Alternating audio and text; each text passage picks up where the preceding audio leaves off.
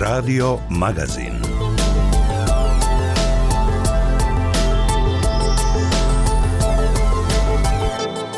Poštovani slušaoci, tema najnovijeg mosta Radija Slobodna Evropa je zašto se posljednjih meseci Zapad intenzivno bavi Bosnom i Hercegovinom. Sagovornici su dva politička analitičara Adnan Huskić iz Sarajeva i Mladen Bubonjić iz Banja Luke. Bilo reči o tome kako je Sarajevo u posljednje vreme bilo domaći mnogobrojnih poseta visokih zapadnih zvaničnika, uključujući predsjednicu Evropske komisije Ursulu von der Leyen i generalnog sekretara NATO pakta Jensa Stoltenberga.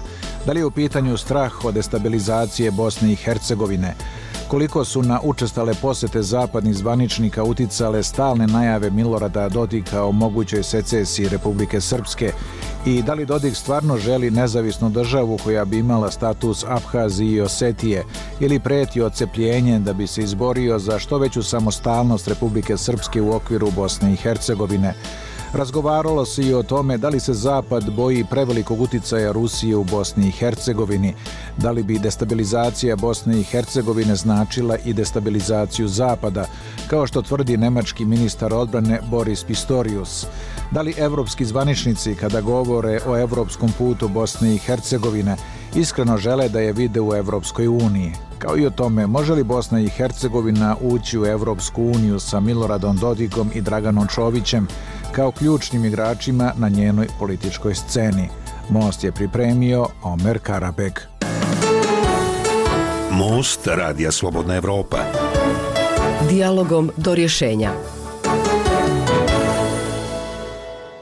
U današnjem mostu razgovarat ćemo o tome zašto se posljednjih mjeseci Zapad intenzivno bavi Bosnom i Hercegovinom. Naši sagovornici su dva politička analitičara, Mladen Bubonjić iz Banja Luke i Adnan Huskić iz Sarajeva. Gospodine Huskiću, krajem prošle i početkom ove godine visoki zapadni zvaničnici prosto su opsjedali Bosnu i Hercegovinu. Da pomenem samo da je predsjednica Evropske komisije Ursula von der Leyen u tri mjeseca dva puta bila u Bosni i Hercegovini, da je u Bosni i Hercegovini bio i generalni sekretar NATO pakta Jens Stoltenberg, da ne govorimo o premijerima i ministrima iz zapadnih zemalja. Ne pamtim da je od završetka rata toliko visokih zapadnih zvaničnika u tako kratkom roku posjetilo Bosnu i Hercegovinu. Kako vi to tumačite? Otkud tolika navala?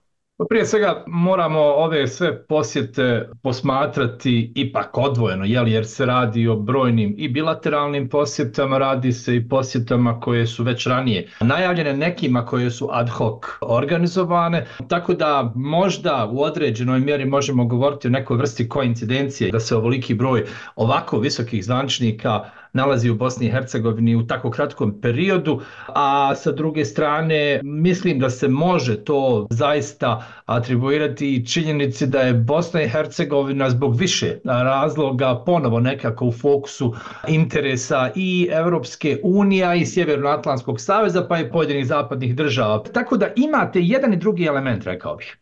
Kako je vaše mišljenje, gospodine Bubonjiću, otkud tolika navala zapadnih zvaničnika u Bosni i Hercegovini? Trebamo da promišljamo na način da li je zaista Evropskoj uniji stalo toliko do Bosne i Hercegovine po svemu. Mi zaista nismo zanimljivi Evropskoj uniji. Zaista smo malo tržište, a sve više i više se naravno promišlja u tom aspektu. Gotovo smo zanemarljivi po tom pitanju. Veoma je važan aspekt geostrateški. Naravno, vidimo šta se dešava u Ukrajini napad Rusije na Ukrajinu vidimo i na Bliskom istoku u Gazi šta se dešava. Dakle, ti sukobi nisu baš toliko daleki od Evrope i postoji naravno spekulacija da bi se veoma lako mogli na neki način preliti na evropski kontinent i prići bliže srcu Evrope.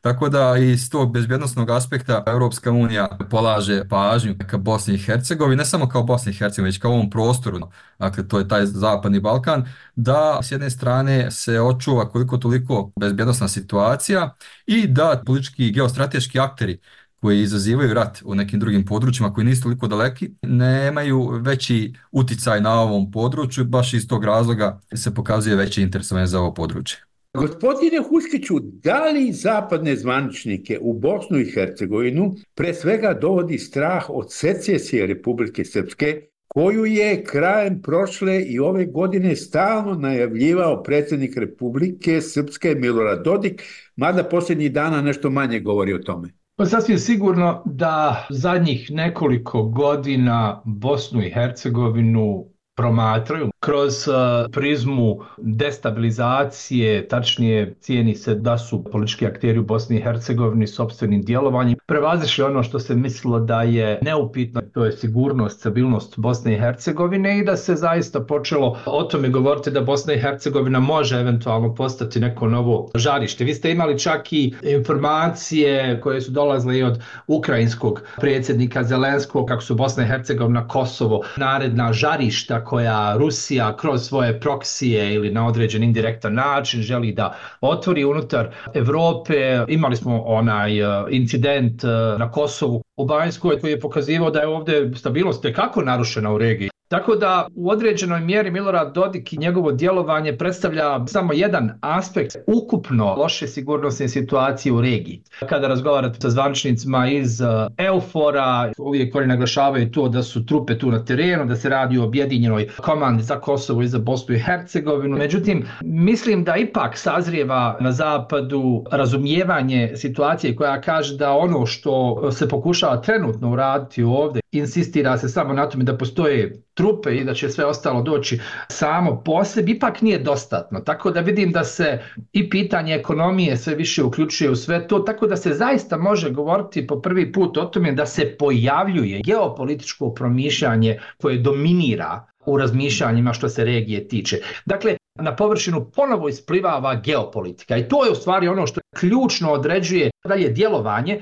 zapadnih aktera u Bosni i Hercegovini. Gospodine Buboniću, mislite li vi da visoke zapadne zvaničnike pre svega u Bosnu dovodi strah od secesije Republike Srpske, što bi moglo teško destabilizovati Bosnu i Hercegovinu i dovesti do njene propasti? Naravno, postoji i ideja, postoje čak i izvjesne radnje na tom polju, ali teško da se može secesija u punom kapacitetu sprovesti. Jednostavno nema kapaciteta za to. Republika Srpska ni po čemu nije sposoban u ovom trenutku da sprovede jedan takav čin, ni logistički, ni vojno, ni finansijski. Mislim da su ne samo u Europsku uniju, već uopšte na zapadu svjesni toga. Dakle, to je faktički i suštinski, a s druge strane na narativnom polju i tekako opterećuje odnose ne samo Bosne i Hercegovine, nego uopšte i u regiji i šire konstantne prijetnje i uslovljavanja, naravno tu imamo i političke trgovine i cjenkanja i sve ostalo, kad je riječ o položaju Republike Srpske u okviru Bosne i Hercegovine, ta teza se sve više više zagovara da Dodik u suštini ne ide ka de jure nezavisnosti, nego ka de facto nezavisnosti, što se u izvjesnom smislu može i sada prepoznati. De jure aspekt, bar po meni,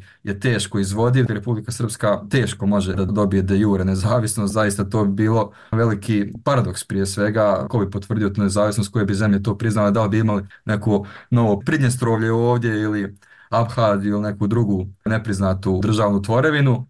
S druge strane, Republika Srpska i Bosna i Hercegovina su gotovo u potpunosti okružene NATO snagama, bez obzira što i nema velikog prisusta trenutno u Bosni i Hercegovini, ali veoma brzo i veoma lako može doći značajan kontingent. Da sumiram, mislim da im prijetje nezavisnosti nisu preliminarno na pameti svakako, ali sa tom politikom koje rukovodstvo Republike Srpske zagovara, svakako može dovesti do ugrožavanja bezbjednostne situacije u širem kontekstu. Naravno, tu se misli na Kosovo, na Srbiju, na Crnu Goru. Tako da u tom kontekstu svakako žele da se pokažu da su prisutni i da računaju na ovo područje iz tog geostrateškog aspekta i da pokažu da je ovo njihova interesna zona. Gospodine Huskiću, da li se visoki zapadni zvaničnici toliko bave Bosnom i Hercegovinom i zbog straha od prevelikog ruskog uticaja. Mislim da je to najotvorenije izradio njemački ministar odbrane Boris Pistorius, kada je prilikom nedavne posjete rekao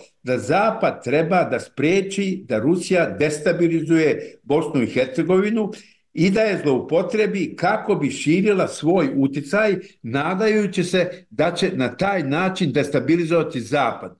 Znači, destabilizacija Bosne i Hercegovine se povezuje sa destabilizacijom Zapada. Da krenemo od zadnje tvrdnje i ovoga što ste ispravno zaključili. Mislim da je to jedna od stvari na koje smo mi odavde iz regije konstantno podsjećali da govoriti o tome da nova sigurnosna arhitektura u Evropi može da postoji, da u svemu tome može biti izoliran Zapadni Balkan, a ne integralni dio toga, je nonsens. Međutim, dugo vremena je trebalo, moram reći, da se ova stvar eh, shvati na zapadu. Što se tiče teza vezano za ruski uticaj. Ja zastupam tezu da je ruski uticaj u velikoj mjeri nakon početka rata u Ukrajini izgubio na snazi u regiji. Mislim da je posebno država koja je imala, rekao bih, mnogo čvršće kanale prema Rusiji i pritom misli na Srbiju, u velikoj mjeri dovedena u situaciju u kojoj je taj manevarski prostor gotovo u potpunosti sklonjen ili smanjen. Tako da možete govoriti u stvari o jednom smanjenom uticaju na Srbiju. Druga stvar jeste ono što se dešava u Republike Srpskoj od 2006. godine s onim poklanjanjem naftne industrije Republike Srpske Rusiji. Kad onda pogledate kako je sve dalje išlo i sa tom Optima grupom, izvlačenjem novca iz Republike Srpske, ali sa druge strane postojao je faktor posebno od strane Milorada Dodika i koalicije oko njega i sada trenutno on je možda jedina osoba koja otvoreno u regiji zastupa prorusku poziciju. Dakle, vrlo otvoreno zastupa prorusku poziciju. Poštovani slušalci, pratite Most Radija Slobodna Evropa, u kome se razgovara o tome zašto se posljednjih mjeseci Zapad intenzivno bavi Bosnom i Hercegovinom. Sagovornici su dva politička analitičara, Mladen Bubonjić iz Banja Luke i Adan Huskić iz Sarajeva. Voditelj je Omer Karabeg. Gospodine Bubonjiću, mislite li vi da se Zapad boji prevelikog utjecaja Rusije u Bosni i Hercegovini? U izvjesnoj mjeri da, svakako samo ne možemo posmatrati u tom kontekstu kad je riječ o uticaju Rusije ili ruskoj sfernoj zoni, ne možemo posmatrati Bosnu i Hercegovinu izolovano. Ovo je dio jedne globalne geopolitičke igre moći, interesa, uticaja. Vidimo šta je recimo na primjer u Africi, koliko su Rusi pored Kineza naravno, pustili svoje pipke uslovno rečeno. Tako da i to moramo posmatrati u tom kontekstu. Dakle, nije Bosna i Hercegovina kada riječ o tome jedino polje, da li implicitnog, da li eksplicitnog sukoba na tom geopolitičkom globalnom planu. Tako da svakako postoji strah, ali se mora principirati u tom kontekstu globalno, gdje Rusija posljednjih godina možda ne toliko finansijski koliko vojno u smislu izazivanja izvjesnih turbulencija i nemira postaje sve reprezentativni igrač na globalnom polju. Za razliku od zapada koji su u decenijama, posebno nakon pada železne zavese, pokušavali da financijama, ekonomijom ostvare uticaj širom svijeta, Rusi nisu u tom kontekstu dovoljno snažni, ali daleko od toga da nemaju mogućnost da izazivaju nemire kao što se recimo dešavalo u Africi. E, sad da se ne bi to desilo i ovdje, se između ostalo pokazuje sve veće i veće interesovanje. Gospodine Bubonjiću, a kako Rusija širi svoj uticaj u Bosni i Hercegovini? Ruski zvaničnici ne dolaze u Bosnu i Hercegovinu, u stvari i ne mogu. Najviše simpatija prema Rusiji, da li prema državi, da li prema ruskom narodu, prema ruskoj kulturi, prije svega prema tom uslovno duhovnom aspektu, kulturnom aspektu pokazuju Srbi, srpski narod ovdje, dakle ne samo u Bosni i Hercegovini, nego u Srbiji, Crnoj Gori, gdje god se nalaze i to je simptomatično da osim te kulturne i duhovne povezanosti nema nekog značajnijeg uticaja. Evo pogledajmo na primjer procenat ulaganja Rusije u Bosnu i Hercegovinu. Ne znam da se nalaze među prvi deset zemalja koji su investitori u Bosnu i Hercegovinu. Pa po tom aspektu zaista nisu reprezentativni nemaju veliku ulogu i veliki značaj, ali s tog kulturoškog aspekta ostvarujete kakav značaj, zato što se pozivaju na kulturnu, duhovnu, istorijsku povezanost, vjersku povezanost i na taj način ostvaruju svoj interes i to nekad zaista može biti i jače i sa većim posljedicama nego finansijski. Gospodine Kuskiću, evo da i vas upitam, kako Rusija širi svoj utjecaj u Bosni i Hercegovini? Ja ću samo dodati još jedan aspekt koji je bitan za razumijevanje te sklonosti, hajde tako nazovem, ljudi odavde, ovdje se posebno govori o Srbima u Bosni i Hercegovini i Srbiji kao državi koja zaista imala dosta snažne veze sa Rusijom, naravno Crna Gora. Vi kad pogledate istraživanja koja su rađena iz godine u godinu se rade i kada pitate ljude u Bosni i Hercegovini ko su najvažniji vanjsko-politički partneri Bosne i Hercegovine, vi ćete vidjeti da je među Srbima to u stvari Rusija. Baš kao što dosta visoko mjesto u svemu vezano za Bosnu i Hercegovinu iz bošnjačke vizure zauzima Turska. I ono što je interesantno u svim tim istraživanjima predimenzionira se, strašno se predimenzionira utjecaj ne zapadnih država na dešavanje u Bosni i Hercegovini. I ono što sva ta istraživanja jasno pokazuju jeste da kad gledate one mjerljive dijelove, dakle kad pogledate ko su glavni investitori u Bosni i Hercegovini, Kada gledate bilo šta što ima veze sa normalnim životom, pa evo da kažem i ona stvar kad vi odlučujete gdje ću ja, ako mi je loše u Bosni i Hercegovini, gdje ću to ja da odselim, tu je nesporno Evropa, Evropska unija, Zapad još uvijek izlazna tačka i to se percipira kao bitno. Međutim, postoji podesno tlo, to je ono što hoću da vam kažem, postoji vrlo podesno tlo za prihvatanje ideje o tome da postoje ti alternativni akteri i alternative Evropskoj uniji i alternative Zapadu sve ukupno i alternative Sjevernoatlantskom savezu i to je taj narativ unutar kojeg se onda može govoriti o utjecaju ovih država. Gospodine Bubonjiću, zapadni zvaničnici stalno govore da Bosna i Hercegovina mora snažnije da krene ka Evropskoj uniji. Mislite li da oni iskreno žele Bosnu i Hercegovinu u Evropskoj uniji? Ovako kakva jeste, definitivno ne. Kome treba jedna država koja sama sa sobom ne može, šta bi se tek desilo da ovakva nesređena kakva jeste sa svim svojim manama, neslogom, obstrukcijama i svim ostalim uđu u Europsku uniju. Ima je on dosta svojih problema kad je reč o, ajmo reći, neželjenim gostima ili neželjenim članicama, prije svega tu mislim na Mađarsku i na Viktora Orbana, ne treba im takva situacija. Međutim, moguće je promjena i Poljaci su velike probleme pravili u Europskoj uniji i to se veoma lako promijeni ako doći do promjene političke i ideološke pozicije u jednoj zemlji i od političkog partnera koji najviše obstruiše postane politički partner koji pruža najveću podršku. Ali u Bosni i Hercegovini su političko-ideološke podjele samo jedan dio globalne podjele u ovoj zemlji, naravno koji je i identitetski, etnički, religijski, čak i kad je riječ o sistemu vrijednosti, percepciji, o svetonazoru, toliko su duboke podjele i ovako kakva jeste, e, Bosna i Hercegovina nije potrebna Evropsku uniju. Bosna i Hercegovina je Evropa, ali iz političkog aspekta definitivno sada nismo Evropa i teško je prepostaviti u kom periodu na koji način bi se to moglo promijeniti. Gospodine Huskiću, mislite li vi da zvaničnici Evropske unije iskreno žele Bosnu i Hercegovinu da vide u Uniji? Ja bih rekao da već sigurno nekih 5-6 godina više ne postoji jasan konsenzus unutar Evropske unije vezano za proširenje uopšte. Mi smo to mogli vidjeti kako se manifestira kroz ono francusko, ne, Sjevernoj Makedoniji, pa ste onda imali sve one blokade od strane Bugarske. Ja bih rekao da mi u stvari, kada posmatramo ostatak Balkana, i ovdje govorim onome što se naziva Zapadnim Balkanom, dakle ovih nekoliko država bivše Jugoslavije koje su još uvijek izvan Evropske unije, plus Albanija, mi nažalost svjedočimo u dosta država, ne mogu reći da su sve u pitanju, ali ja u dosta država svjedočimo ne samo stagnaciji, već svjedočimo jednoj ozbiljnoj demokratskoj regresiji. Ne trebate ići dalje od Bosne i Hercegovine i Srbije.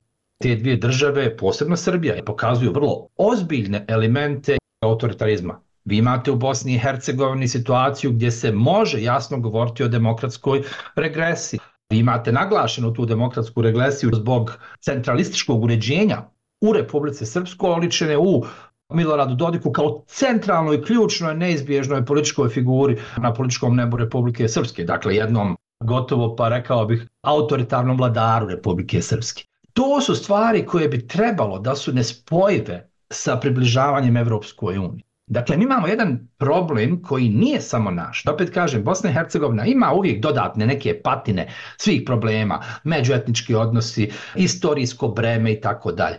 Međutim, sa druge strane, vi kad pogledate druge države u regiji, čak i one koje bi trebalo da budu među predvodnicima ovog našeg stada prema Evropskoj uniji, tu se vide jasni problemi vezano za mnogobrojne elemente koji su ključni za funkcionisanje unutar Evropske unije. I Evropska unija želi naprosto da ne uvozi probleme. Jedan od tih problema trenutno jeste i pitanje neriješenih granica u regiji. Zato se insistira na kosovsko-srbijanskom dijalogu, ne bilo se došlo do nekog pravno obavezujućeg sporazuma, jer Evropska unija ne želi da uvozi probleme. Ali sa druge strane, čini mi se da na političkoj razini ne postoji konsenzus unutar Evropske unije o daljem proširenju. Dakle, ja ovo ponavljam zaista odgovorno, Unutar Evropske unije ne postoji konsenzus o daljem proširenju. Mi imamo želje ljudi unutar komisije, gospođe von der Leyen, brojnih zainteresiranih država koje guraju tu stvar naprijed. Međutim, kada se zaista stvari ogole, kada se razgovara vrlo direktno,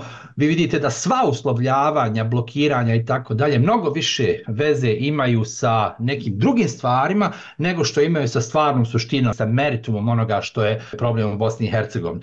Iako pogledate napredovanje Ukrajine i Moldavije, to moram zaista reći, ja znam da ovo možda zvuči ružno sada sa moje strane, ali ja moram to tako poredati jer čini mi se da je tako najzdravije da kažem. Dakle, dvije države od kojih se jedna nalazi jednom brutalnom ratu i mislim da se ne može govoriti o tome da postoji bilo šta. Rat je sam po sebi suspenzija prava. Tako da imate jednu državu koja vodi rat i koja ne kontroliše značajan dio svoje teritorije, a pregovara sa Evropskom unijom. Imate Moldaviju koja pregovara sa Evropskom unijom, a ne kontroliše značajan dio svoje teritorije. Ja mislim da je nažalost ovo razbacivanje stvarima poput kandidatskog statusa, razbacivanje stvarima poput datuma za otpočinjanje pregovora, ja mislim da je naprosto postalo vanjsko-politički alat Evropske unije, kojim Evropska unija kompenzira nepostojanju suštinskih vanjsko-političkih alata da djeluje na situaciju u regiji. I tu je, ja mislim, sva tragedija ove naše situacije i situacije u kojoj se cijelokupna regija nalazi.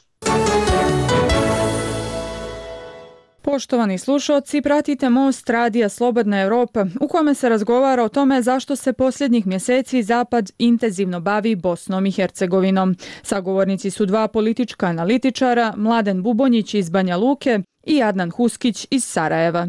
Voditelj je Omer Karabeg.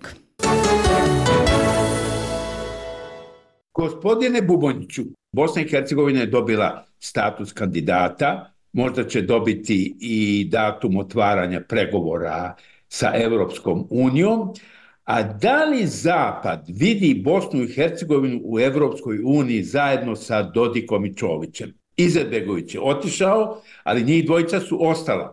Može li Bosna i Hercegovina funkcionisati kao država Evropske unije sa njima dvojicom kao ključnim igračima? Sa Dodikom i Čovićem, kako se sada ponašaju, definitivno ne. Ali treba uzeti u obzir da i Dodik i Čović, Dodik pogotovo, da su real političari i da su pragmatični. Ako bi Dodik dobio nešto što on traži, ako bi mu se ponudilo nešto, uslovno rečeno ponuda koju ne bi mogao da odbije, a da to nije neko uslovljavanje ili nešto slično, može se desiti, naravno hipotetički, iz ove perspektive teško, ali zašto da ne, politika je otvoren proces, moglo bi se desiti da promijeni svoj politički pravac i od političara koji najviše obstruiše odnose, ne samo političke, već uopšte društvene u ovoj zemlji, postaje možda neko koji je sagovornik, koji je partner i koji bi mogao da ponudi kao što je nekad bio dašak svježeg vazduha na Balkanu, možda bi to opet mogao da bude. Naravno, iz ove perspektive je veoma teško, ali politika je veoma fleksibilna i fluidna i mogu se dešavati mnogobrojne promjene. E sad sve zavisi od toga šta bi mogli da mu ponude, kao i Čoviću. Sa pritiscima i ucjenama vidimo kako se reaguje na to. Vidimo da sankcije na Dodika gotovo da i ne djeluju u smislu da se povukao, da je promijenio svoju politiku, svoje nastupe. Vidimo da je postao sve gori i gori. Tako da, iz tog aspekta pritisaka ucijena, čisto sumnjam da bi se moglo nešto promijeniti. E sada, pitanje da li oni uopšte žele da im nude neke opcije ili nešto slično samo da bi njih udobrovoljili, uzevši u obzir da Čović s jedne strane, Dodik s druge strane, i kako mogu povući značajan dio ne samo političkih resursa, nego uopšte društvenih resursa u ovoj zemlji mogu postati značajan problem. E sad naravno to je pitanje koliko u Europskoj uniji stalo, pored svojih internih problema, da se još zanima sa političkim opcijama u jednoj zemlji na način da izlaze im u susret, da im nude neke opcije. To nisu neke opcije u smislu da Dodiku ponude da bude u Europskom parlamentu ili tako nešto. Dodik vjerovatno bi pucao nešto mnogo, mnogo, mnogo veće i to bi vjerojatno bilo kao i slučaj Dragana Čovića, to je moralo da se izrazi u finansijskom smislu, kao što sve ove godine radi u samoj Bosni i Hercegovini, kada je riječ o obstrukcijama. To smo mogli da vidimo sad na jednom malom primjeru izdvajanja sredstava za novu zgradu uprave za indirektno oporezivanje, da je ucenjivao, obstruisao dok nije dobio ono što je želio. Sada da li su Evropljani spremni na tako nešto ili su prepoznali taj, ajmo reći, kabadahijski seoski pristup i da ne pristaju na to, ali opet kažem, politika je proces i ko zna kom pravcu bi mogli ići, ali da zaključimo ovakvi kakvi jesu, definitivno ih ne vide ni kao moguće partnere za razgovor, kamo za partnere koji bi bili tu da grade zajedničku budućnost. Gospodine Huskiću, da li Zapad vidi Bosnu i Hercegovinu u Evropskoj uniji zajedno sa Dodikom i Čovićem? S obzirom na to kako proces teče i o kakvim mi vremenskim okvirima uopšte govorimo s obzirom na progres koji Bosna i Hercegovina čini ili ne čini. Ja mislim da na to pitanje u stvari biologija daje odgovor. Mi sa ovim političarima nećemo ući u Evropsku uniju ne zato što će možda doći neke vrste političke promjene, koliko mislim da će proces trajati toliko dugo da će svi oni biti penzionisani. Međutim, ako govorimo o Dodiku i Čoviću kao simbolima jedne vrste politike u Bosni i Hercegovini, onda mislim da ne možemo govoriti o ozbiljnom hvatanju koštaca svim onim što zaista približavanje Evropskoj uniji u smislu suštinskih promjena reformi nosi. Ne možemo jer tu raditi se o naprosto jednom drugačijem kovu političara. Kolega Bubonić je govorio o tom nekom transakcijskom elementu svemu što se radi sa njima i da je to u stvari, nažalost, dugo vremena bio ključni princip politike u Bosni i Hercegovini. Dakle, ti meni, ja tebi, ovo je moje, ovo je tvoje. I onda ste vidjeli da se u stvari pokazalo da se radi prije svega o političarima koji su nesposobni. Pazite, nesposobni da vode državu na način da se to čini u interesu građana. Da se razmišlja o ekonomskom napretku, to ne, ali da se stvaraju problemi, da se prebacuje ogroman javni novac u privatne džepove, to da. I to je ona stvar koja nas trenutno treba da brine. Činjenica da svjetonazor u politici, činjenica da prakse u politici su nažalost takve kakve jesu i one neće moći omogućiti Bosni i Hercegovini da se pomakne jedan milimetar. Ja govorim o suštinskom pomicanju, ne govorim o ovim geopolitičkim razmatranjima tipa treba li Bosna i Hercegovina sada da dobije datum ili ne, jer ovo nikakve veze nema više sa kriterijima. Ali za suštinske reforme, ja mislim da imate dva problema. S jedne strane imamo tu i takvu politiku, imamo takav izborni proces, kilav, nikakav, netransparentan, koji rezultira nečim što nema blage veze sa preferencijama građana, kroz ucijenjivanje, kroz eh, vođenje nefer kampanja. I sa druge strane imate, rekao bih, je vrlo slab pul od strane Evropske unije upravo zbog nedostatka jasne želje da se regija Zapadnog Balkana integriše u Evropsku uniju. To su dva procesa koja nas dovode u ovu situaciju nemanja energije, indolentnosti, neželje kod građana. Vidite da ne postoji nikakav interes za Evropsku uniju. Neće niko dobiti izbore na tome što će reći mi ćemo napraviti ove stvari, pa će Bosna i Hercegovina napraviti par koraka naprijed na ovom dugotrajnom putu prema Evropskoj uniji. Naprosto to nije tema. Vi imate ljude koji su razočarani, ljude koji uglavnom napuštaju državu, posebno mladi ljudi, teško je, užasno je teško argument argumentovati prema njima i reći im ne, treba ostati jer za Boga nakon 10, 15, možda 20 godina Bosna i Hercegovina možda postane i punopravna članica. To kad govorite nekome koji ima 18 godina, to je unaprijed izgubljena bitka. I na kraju, gospodine Bubonjiću, kakav je efekat ovih silnih zapadnih posjeta Bosni i Hercegovini? Da li će Bosna i Hercegovina u martu dobiti datum za početak pregovora o ulasku u Evropsku uniju? Mislim da ne. Kako je vaše mišljenje, gospodine Huskiću? Iako bih volio da hoće, mislim da neće. Evo, ja bih završio ovaj razgovor. Hvala, gospodine Huskiću. Hvala vama. Hvala, gospodine Buboniću. Hvala vama. Bio je to most u kome su naši sagovornici bili dva politička analitičara, Mladen Bubonjić iz Banja Luke i Adnan Huskić iz Sarajeva. Posrednik u razgovoru bio je Omer Karabeg. Most Radija Slobodna Evropa.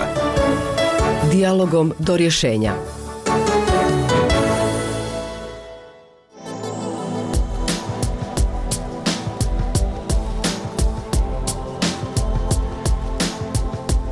Bilo je to sve u ovom izdanju programa Radija Slobodna Evropa. Ostanite i dalje uz nas, pratite nas na našem sajtu kao i na društvenim mrežama. Želimo vam ugodan ostatak dana.